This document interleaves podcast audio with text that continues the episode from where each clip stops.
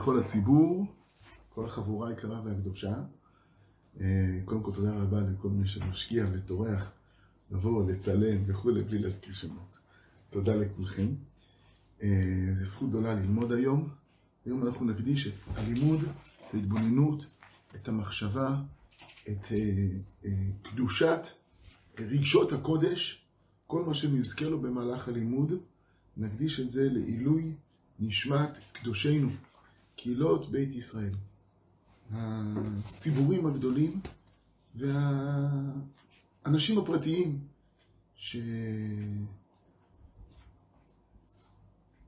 שנשחטו, נטבחו, נשרפו, חיים אה, בשנות השואה הנוראות, ויהיו הדברים אה, לעילוי נשמתם, לא יודע בדיוק מה זה הדבר, מה זה לעילוי נשמתם, מה צריך להעלות את נשמתם, כמה נשמתם היא מעולה, יהיו הדברים לעילוי נשמתנו. זה שאנחנו עוסקים בכבודם, זה שאנחנו עוסקים בזכרם, זה שאנחנו טובלים בטהרה של עליית נשמותיהם בסערה שמיימה, זה, זה עילוי גדול לנשמה שלנו. הגמרא אומרת כל מאן דאה ובהשכבתא דרבי מזומן לחיי העולם הבא, ככה שנפטר רבי יצא בת קול, ואמרה כל מי שהיה בהשכבתא דרבי מזומן לחיי עולם הבא. יש, בפטירה של גדולים, יש, צריך להתבונן בזה. יש הרבה מה לקבל מזה, יש הרבה מה להיטהר מזה, יש הרבה מה להזדכך מזה. אליהו אומר לאלישע, אם תראה בי לקחי מעמך, יהיה לך פי שניים מרוחי.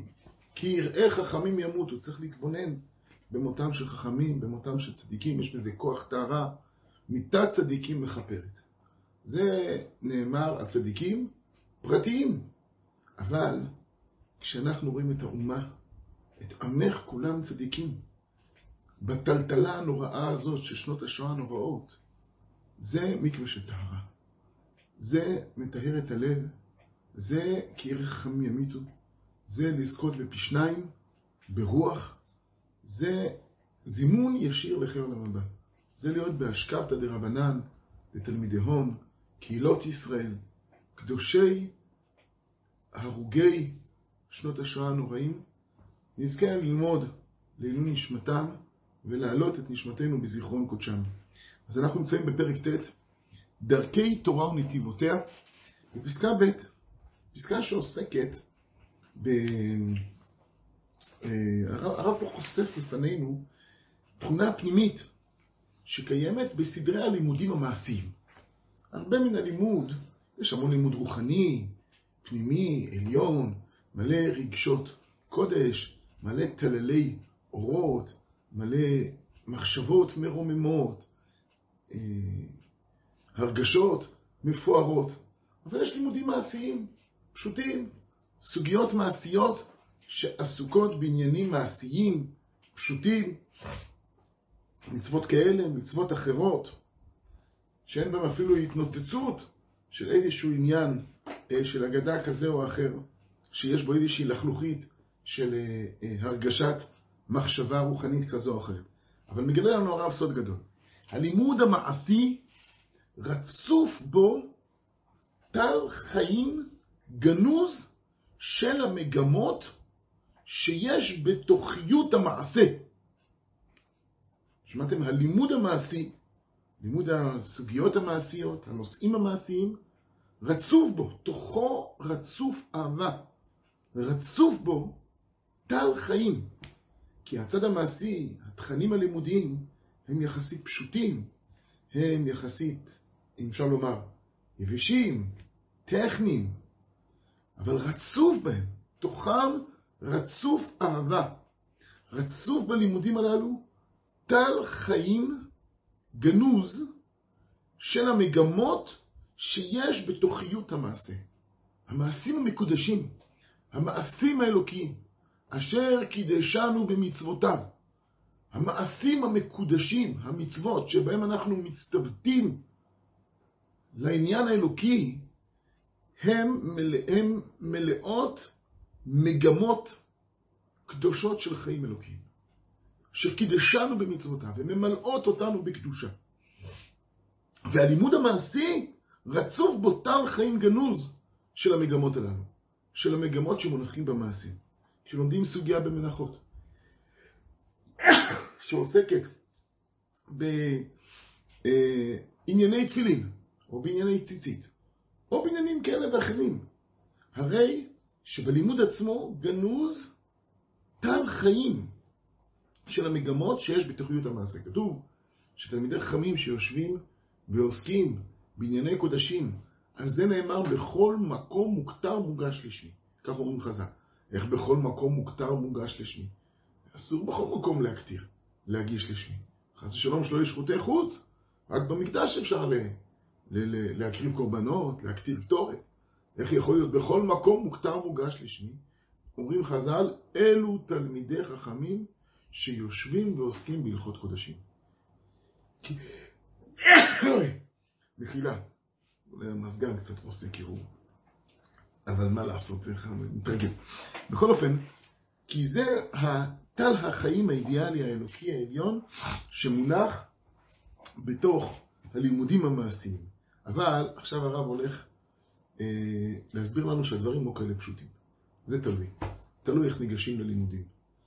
איך ניגשים אליהם מצד טהרת הכוונה, טהרת השאיפה, ואיך ניגשים אליהם מצד דרכי היושר השכליים, דרכי היושר הלימודיים. אומר לנו הרב, אמנם, אם הלימוד הוא שלא לשמה, לא לשמה יש מדרגות. והרב פה מפרט את המדרגה היותר חמורה של הלא לשמה. לשם יהירות, ואולי עוד חמור מזה, לשם קינטור. לשם יהירות, גאווה, כבוד, ולשם קינטור, שנדע איפה אפשר למצוא בקיאים, איפה אפשר אה, אה, לתפוס את חז"ל על הרחבות כאלה ואחרות, הדברים שהם לא ממש מחויבים, הדברים ש... ש, ש, ש כל מיני ביטויים היום יש כאלה, אה, אה, אה, שאיפה חז"ל הרחיבו את העניינים, מתוך מגמה כזו, מתוך מגמה... קינטור. אם הלימוד הוא רק שלא לשמה לשם יהירות וקינטור, אז מתרוקנת המחשבה. ממה היא מתרוקנת? היא מתרוקנת מהטל החיים הגנוז של המגמות שיש בתוכניות המעשה. מתרוקנת המחשבה, והדברים נשארים יבשים, לא נגמר, ולפעמים מתמלאים ארסיות פנימית. יודעים מה זה ארסיות? ארסיות ברב תמיד, אני חושב, זה כמו ארס של נחש. ארס של נחש, מה זה? נושא נשיכה קטנה ברגל, עקיצה קטנה ברגל.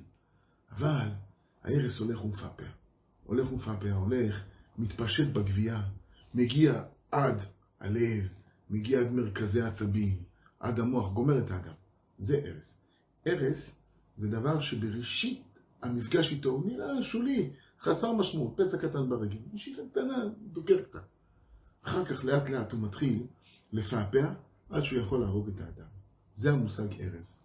כשהרב משתמש בביטויים ארז, הרב, משת... הרב אה, אה, מציג בפנינו קלקולים כאלה שבמפגש הראשוני איתם הם נראים לא כאלה חמורים, אבל באמת הם קרדינליים, הם לבביים, הם, הם קריטיים, הם יכולים להרוג. ואומר הרב, אז כשניגשים אל הלימודים המעשיים מתוך מגמות כאלה של יהירות וקינטור, מתוך שלא לשמה במדרגה התחתונה שלה, אז מתרוקנת המחשבה והדברים נשארים יבשים ולפעמים מתמלאים ארסיות פנימית.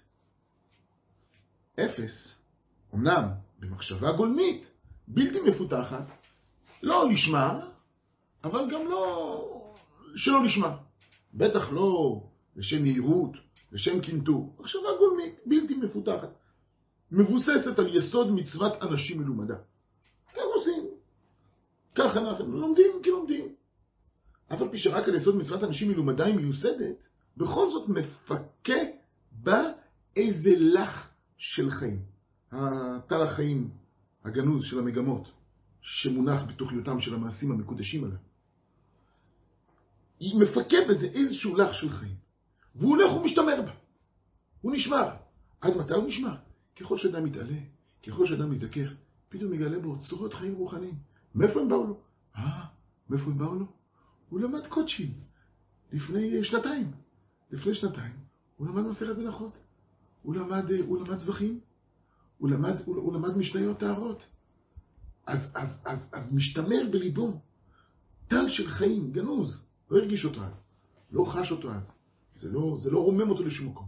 אבל עכשיו, שפתאום הוא מכוון את המבט אז כל המגמות הללו משתמרות בתוכו. כל החיות הפנימית הזאת משתמרת בקרבו, והיא מתחילה לפעם. אפס במחשבה גולמית, בלתי מפותחת, לא לשמה, לא שלא לשמה. אבל פי שרק על יסוד מצוות אנשים מלומדי מיוסדת, המחשבה הזאת שמתוכה הבעל לומד ללמוד, מפקה בה איזשהו לח של חיים. והוא הולך ומשתמר בה במידה, כפי כמה, שלא מתעוות עצם הלימוד מחיפוש האמת והיושר שבדרכו. או, תנאי שני. תנאי שני זה צורת הלימוד. עד כמה הלימוד, עד כמה הלימוד לא יתעוות. כמה לומדים בצורה נכונה.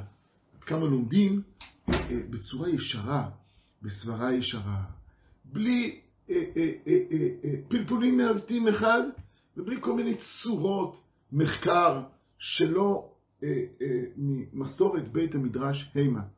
שלומדים בצורה ישרה, במידה שלא נתעמת עצם הלימוד מחיפוש האמת והיושר שבדרכו. אבל עיקום השכל, שימו לב, אנחנו עדיין מדברים על אותו אדם שהוא לא לומד שלא לשמה. גם לא לומד לשמה, גם לא לומד שלא לשמה.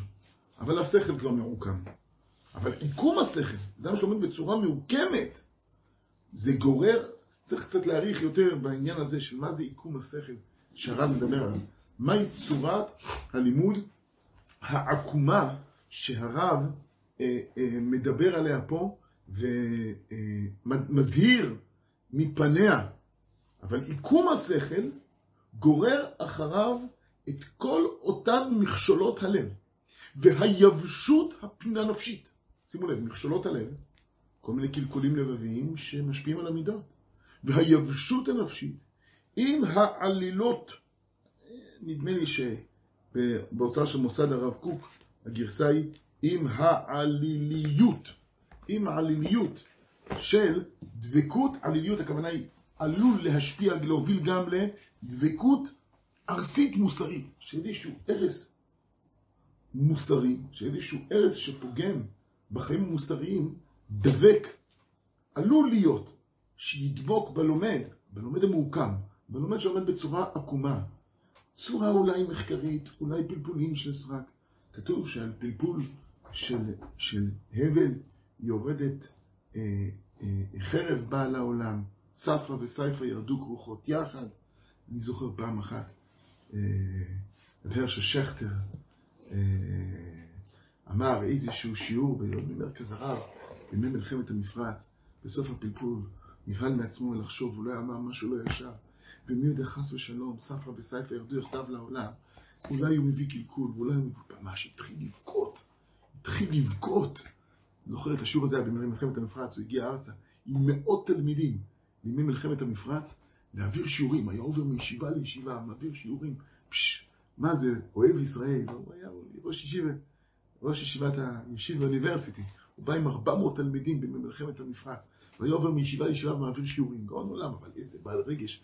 אז כמה הוא נבהל מזה שאולי הוא אמר דברים אה, אה, לא ישרים. נו, המהר"ל הרי צעק על פלפול אה, מעוקם, פלפול, אנחנו כבר לא מכירים את הפלפול הזה, הוא, הוא, הוא עבר מן העולם. אבל, אבל גדולי ישראל, כמהר"ל מפראג ואחרים, אה, צעקו עליו. היום יש לנו צורות עיקומי שכל אחרים. ותראו, עיקום השכל הוא, אל הלומד הפרווה הזה, יכול להוביל, יכול להוביל כדוגמתה של מידת המחשבה, המחשבה הפגומה של מטרת הלמיד. כאילו הוא לומד שלא נשמע בשביל יהירות וקיטו. אז שני דברים יכולים להרוס את איכות הלימוד המעשי. שהוא יהיה מנוטרל מלכלוכיות של, של טל של חיים.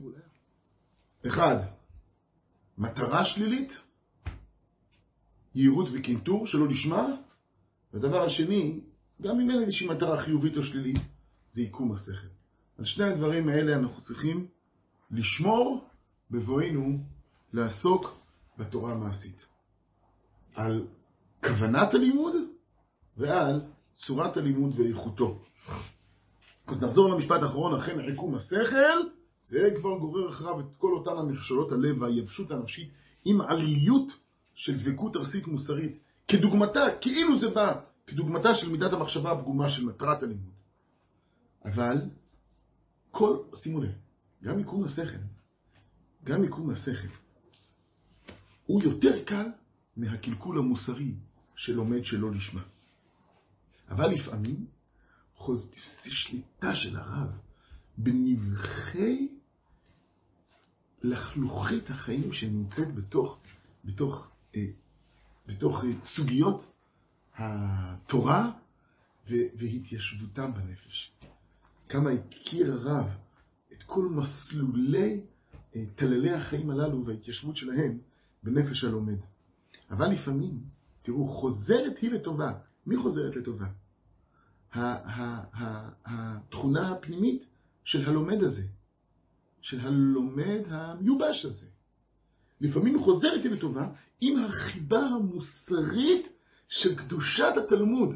בסוף, אם נקודת המוצא שלו היא שהתורה קדושה, שהתלמוד הוא קדוש. יש לו חיבה אל התלמוד הקדוש. לפעמים חוזרת היא לטובה ההרגשה הפנימית הזאת, תלליות החיים הזאת. אם החיבה המוסרית של קדושת התלמוד תהיה היא הכוח הפועל על הרגש. אשר רק מקוצר ברור שכלי מתברא, מצטפק הוא באורחות הכלכלות. אם הכיוון, אם יש ברכה בתורה התחילה, אם הכיוון הוא חיובי, אם, אם ישנה חיבת קודש של הלימודים, אז גם אם כתוצאה מקוצר ברור שכלי מסתפק הוא באורחות הכלכלות, יהיה עקוב למישור והעניין יתיישר בסוף, העיקולים, בסוף עיקולים כאלה להתיישר על כל פנים במובנם המוסרי. כמה חשוב הוא הכיוון הנכון, חיבת הקודש של הלימודים, טהרת הלב, הברכה בתורה תכולה. כמה חשובה היא ההערה הזאת אה, בפרק הזה של דרכי תורה ונתיבותיה. אולי קצת הארכנו, אבל שווה היא כל דקה שאנחנו עומדים ביום הזה, יום של בין הזמן, יום של חופשה. יכול להיות שיש חבר'ה שקצת מסתובבים, קצת מטיילים, קצת מחליפים כוח וכולי, אבל לעצור ביום הזה, להתבונן בזיכרון קדושנו, להתעלות אל טהרת נשמתם, אל קדושת נשמתם, אל, אל, אל, אל הטלטלה הלאומית הזאת, אל ה, ה, ה, נקודת המפנה הזה בהיסטוריה של האומה, אל אקורד הסיום הזה של אלפיים שנות הגלות, ואל תנועת הצמיחה הלאומית והתחייה שלנו מן הנקודה הזאת, לגעת בנקודת המפנה הנוראת, נוראת ההוד הזאת, ולהתעלות על ידה, להתרומם על ידה, להתקדש על ידה, להזדכך על ידה, ולטבול בקדושת הישראליות הטהורה שלנו ביום המיוחד הזה. אז חזקו וימצאו חברים, חזק ונתחזק, בעד עמנו הקדוש, בעד ערי אלוקינו ובעד תחיית נפשנו, גאולתנו ופליט נפשנו.